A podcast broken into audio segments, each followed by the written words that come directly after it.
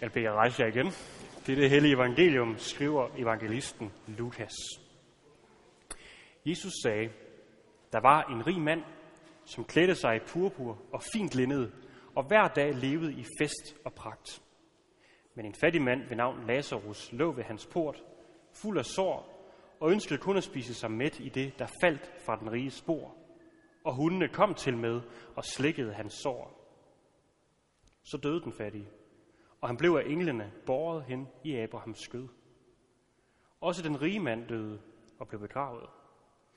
Da han slog øjnene op i dødsriget, hvor han pintes, ser han Abraham langt borte og Lazarus i hans skød. Fader Abraham, råbte han, forbarm dig over mig og send Lazarus, så han kan dyppe spidsen af sin finger i vand og læske min tunge, for jeg pines i disse lurer.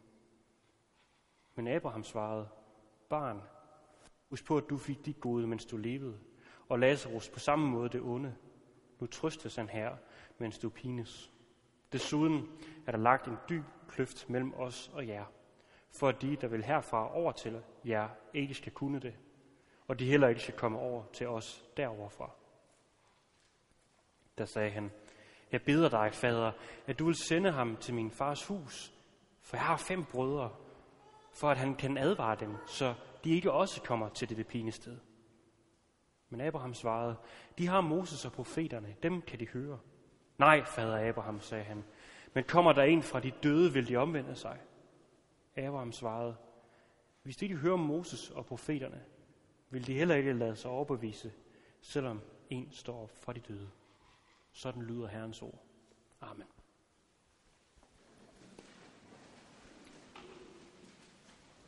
Lad os bede.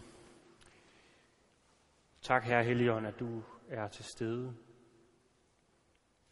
Tak, fordi vi kan samles til gudstjeneste og lytte til dit ord. Og vi beder dig om, at du vil bane dig vej helt ind i vores hjerter, så vi hører og tror det, du siger. I Jesu Kristi navn. Amen.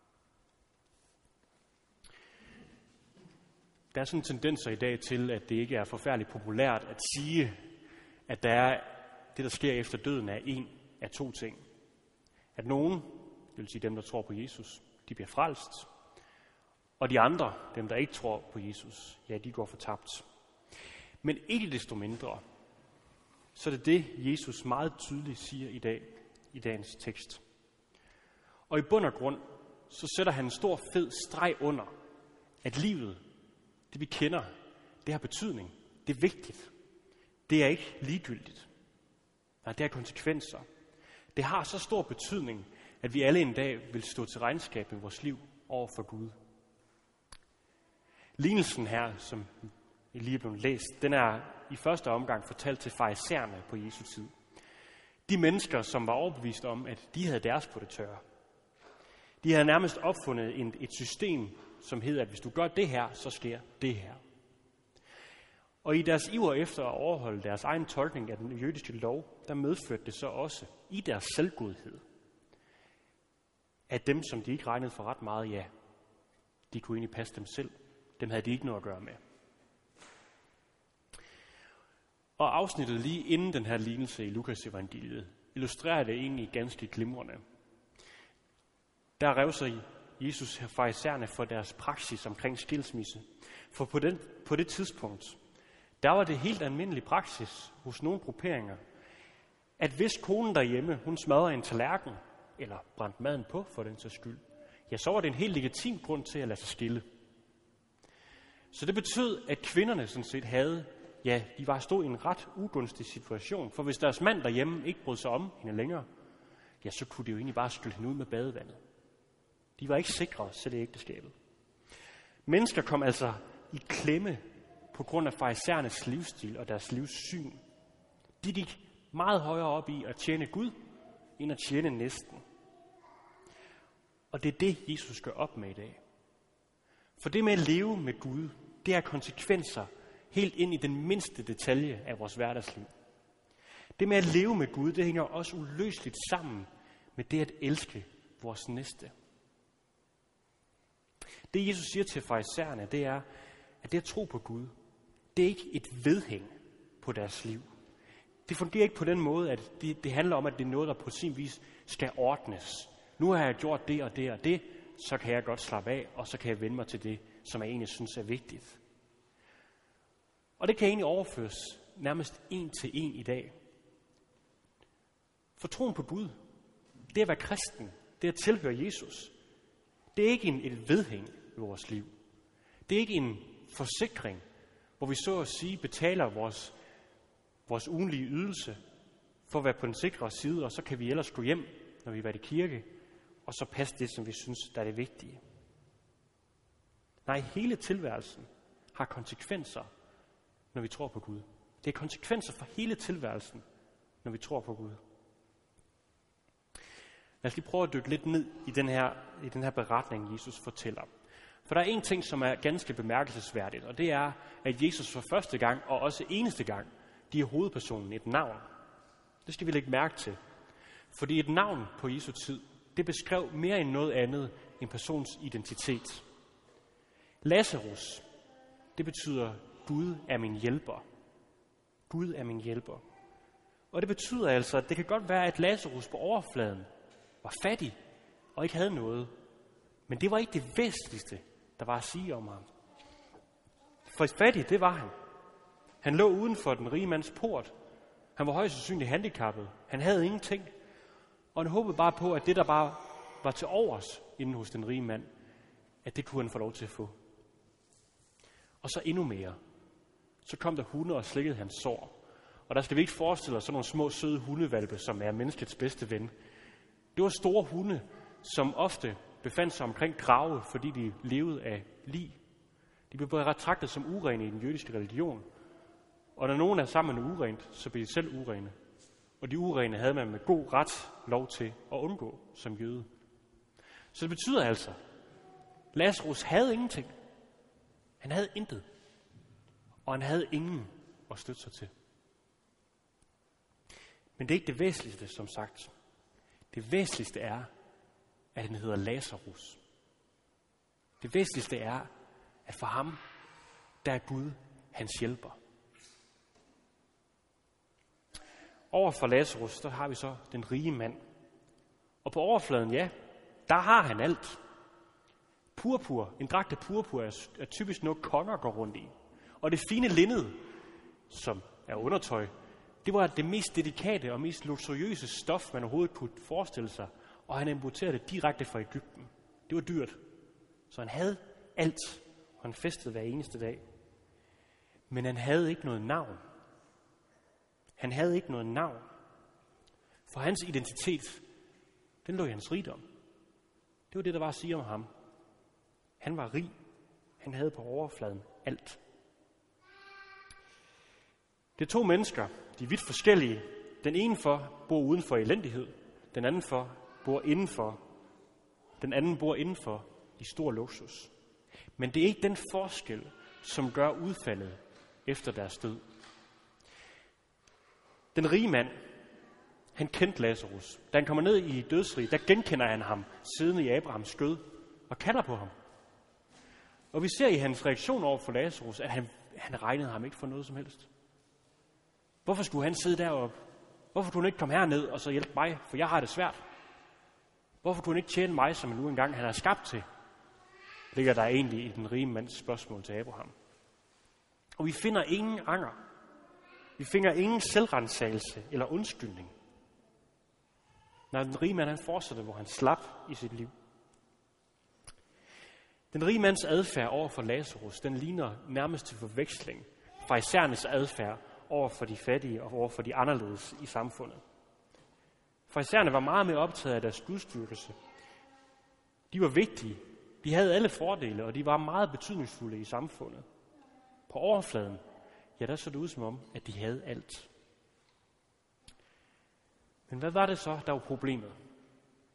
Hvad er det, der gør, at de måtte adskilles efter døden? Jo, problemet er, Problemet for den rige mand var, at liv med Gud, det kan altså ikke adskilles fra det konkrete liv, vi lever hver eneste dag. Problemet er, at den rige mand, farisæerne, de ikke indså, at kærlighed til Gud, det kan ikke stilles fra kærlighed til næsten. I begyndelsen af Lukas evangeliet, der hører vi Johannes Døberen også revse fra isærne, hvor han kalder dem øjleynge. Hvem har bildt jer ind, at I kan flygte fra den kommende vrede? Bær da de frugter, som omvendelsen kræver. Bær da de frugter, som omvendelsen kræver. For den tro, det at tro på Gud, det at tilhøre ham, det udmyndter sig i det konkrete liv. Og det er også det, Johannes siger videre. Dig, der har to kjortler, del med den, der ingen har. Altså et praktisk kærlighedssprog. Kærligheden til næsten, det kan ikke adskilles fra troen på Gud. De ting, to ting hænger uløseligt sammen. For isærne derimod, de havde spaltet deres gudsforhold. De spaltede det på den måde, at de gjorde alt, hvad de kunne for at gøre Gud tilfreds. Men de overså, at kærligheden til medmennesket er ganske essentielt. Og derfor, der blev deres tro, det blev et vedhæng til deres liv. Det blev noget, som de skulle have styr på, noget, som de kunne ordne. Og når de så havde gjort det, havde fået deres på det tørre, så ville de vende hjem og beskæftige sig med det, som de fandt som det vigtigste. Og det er pointen. Pointen er, at den rige mand sagtens på overfladen kunne være en from jøde. Men det er kun på overfladen. For troen, den var blevet et vedhæng. Noget, der skulle ordnes. Og når det var på plads, så kunne han koncentrere sig om sin luksus, sin malighed, sin rigdom, eller hvad det nu engang er. Den rige mand og Lazarus, det er på mange måder også to ekstremer. Så rig, at han går i kongeklæder, og så fattig, at ingen vil have noget med ham at gøre. Og derfor så kan det måske også godt være svært for os, som sidder her i dag, at tænke, hvor er det lige, jeg er henne i den her lignelse? For vi, mange af os, vi er sådan lidt ind imellem. Men alligevel, så de her ord, det må vi tage til hjertet, og vi må lade os ryste af dem. For der er en risiko for, at vores dagligliv, med arbejde, med skolegang, med familieliv, eller hvad det nu er, der kommer til at fylde det hele. Du ved selv, hvad det er. Der er en risiko for, at det kan blive det vigtigste i vores liv. På den måde, at troen så og livet med, med Jesus i bund og grund bare bliver et vedhæng, som vi kan ordne, når vi går i kirke. Og når vi så går ud herfra igen, så kan vi i øvrigt beskæftige os med det, som vi synes, der er det vigtigste. Den rige mand, han gik ikke fortabt, fordi han var rig. Det var ikke rigdommen, der skilte ham fra Gud. Eller det blev det, fordi rigdommen, den fyldte det hele. Den blev det vigtigste for ham. Og derfor må det også lade os ryste, eller vi må lade os ryste af det, som Jesus siger. Fordi sådanne prioriteringer, hvor andre ting bliver vigtige end det at leve for Jesus, og det at leve med Jesus, det kan være rigdom, det kan være malighed, eller hvad det nu engang er, sådanne prioriteringer, de kan være ganske, ganske farlige. Fordi der er ikke, fordi hvis vi, der er ikke noget, der kan bære igennem livet og døden. Der er intet, der kan bære igennem livet og døden end Jesus Kristus. Og hvis vi ønsker andet end det, som Gud han tilbyder, så går vi i sidste ende tomhændet bort, og det kan risikere med fortabelse. Og det er derfor, at advarslen lyder så kraftigt, som den gør i dag. For det er alvor det her. Jesus tordner imod det. Troen må ikke blive et vedhæng til vores liv. Det må gennemsyre det hele. Det må blive det vigtigste Måske kan man formulere det på den måde, at vi må leve for Guds ansigt, og vi må elske mennesker. Vi må leve for Guds ansigt, vi må elske mennesker. Vi skal leve for Guds ansigt, for at troen den kan blive ved med at være det vigtigste for os. Og vi må elske mennesker, sådan at troen ikke bare bliver et vedhæng, som skal ordnes. Jeg må personligt indrømme, at jeg bliver udfordret af den her tekst. Jeg bliver udfordret af de ord, som Jesus siger i dag. For hvad er det egentlig, der er det vigtigste i mit liv? Hvad er det det, som på en eller anden måde kommer til at definere og kommer til at overskygge alt andet? Og hvad med den kærlighed, jeg har til Gud? Afspejles den i min næste? Jeg oplever ikke altid, det er tilfældet. Og igen og igen, der må jeg også stille mig selv det spørgsmål. Lever jeg for Guds ansigt? Og elsker jeg mennesker? Lever jeg for Guds ansigt, eller elsker jeg, og elsker jeg mennesker? Eller er troen bare blevet en vedhæng i mit liv, hvor noget andet er blevet vigtigt? Når vi rammer af det, Jesus han siger i dag, så kan vi vælge at gøre en ud af tre ting. Vi kan vælge at sige, ja, det er også rigtigt nok. Og så ellers lade som om intet andet er hent. Vi kan også vælge at sige, ja, det er rigtigt. Nu må vi gøre noget ved det. Nu må vi tage os sammen, så vi bliver nogle rigtig gode kristne. Men for langt de fleste af os, så kan det måske godt lykkes en dag, eller to, eller måske en uge. Men ofte og næsten altid, så ender det egentlig i det samme tommerum. En sådan indstilling, den gavner ikke noget. Tværtimod, den giver os egentlig kun lejlighed til at se ind og se på os selv, og se på, hvad vi magter. Og derfor efterlades vi med den sidste mulighed, som også holder. Jeg må høre Guds ord. Jeg må høre Guds ord, og jeg må lade mig ryste af det. Og så må jeg tage det, jeg bliver rystet af. Og så må jeg søge ind foran Guds ansigt. Søge ham og bekende, at jeg ikke magter det. At jeg ikke magter at give mig selv til ham fuldstændig. At jeg ligner den rige mand langt mere, end jeg egentlig bryder mig om. For det at leve for Guds ansigt, det handler ikke om at være religiøs. Det handler ikke om at være ekstra from. Det var det, farisæerne troede. Nej, at leve for Guds ansigt, det er at leve i en erkendelse af, at jeg har ikke andre steder at gå hen. Jeg har ikke andre steder at gå hen. Jeg er magtesløs i mig selv. Jeg er fortabt i mig selv. Det er en erkendelse af, at også jeg er Lazarus. Også for mig er Gud min hjælper, og ingen andre. For det er det, der er min virkelighed. Det er derfor, Jesus blev sendt. Han blev sendt for, fordi jeg er magtesløs, fordi jeg ikke magter det. Og han kom for at leve det liv, som jeg burde have levet. Og han rækker det til mig. Han rækker det til mig som en gave, jeg kan tage imod. Så lad os derfor søge ind foran Guds ansigt. For det er kun der, vi kan møde ham.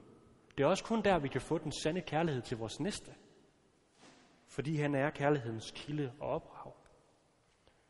At leve som kristen, det er, og det må ikke blive et vedhæng på vores liv. Noget, der skal ordnes. For det berører hele vores tilværelse. Og ikke mindst så berører det, hvordan jeg ser på min næste. Lad os derfor leve for Guds ansigt. Og lad os elske mennesker. Lad os bede sammen. Ja, det beder vi dig om, Gud. Jeg beder dig om, at du vil føre os derhen, hvor vi søger ind til dig, ind foran dit ansigt, hvor vi lægger det hele ned og bekender, at vi magter det ikke. Vi kan ikke leve op til det, vi burde. Og der er så meget andet, som fylder. Gud vender os om. Giv os tro og være os nådige. Og vi beder dig om, at du vil bevare os i den tro. Bevar os, så vi en dag kan samles hjemme hos dig med alle dine hellige og lovprise dig og synge lovtak og evig ære være dig, hvor Gud, Far, Søn og Helligånd. Du som var, er og bliver en sand træen i Gud, højlovet fra første begyndelse, fra nu og til evig tid. Amen.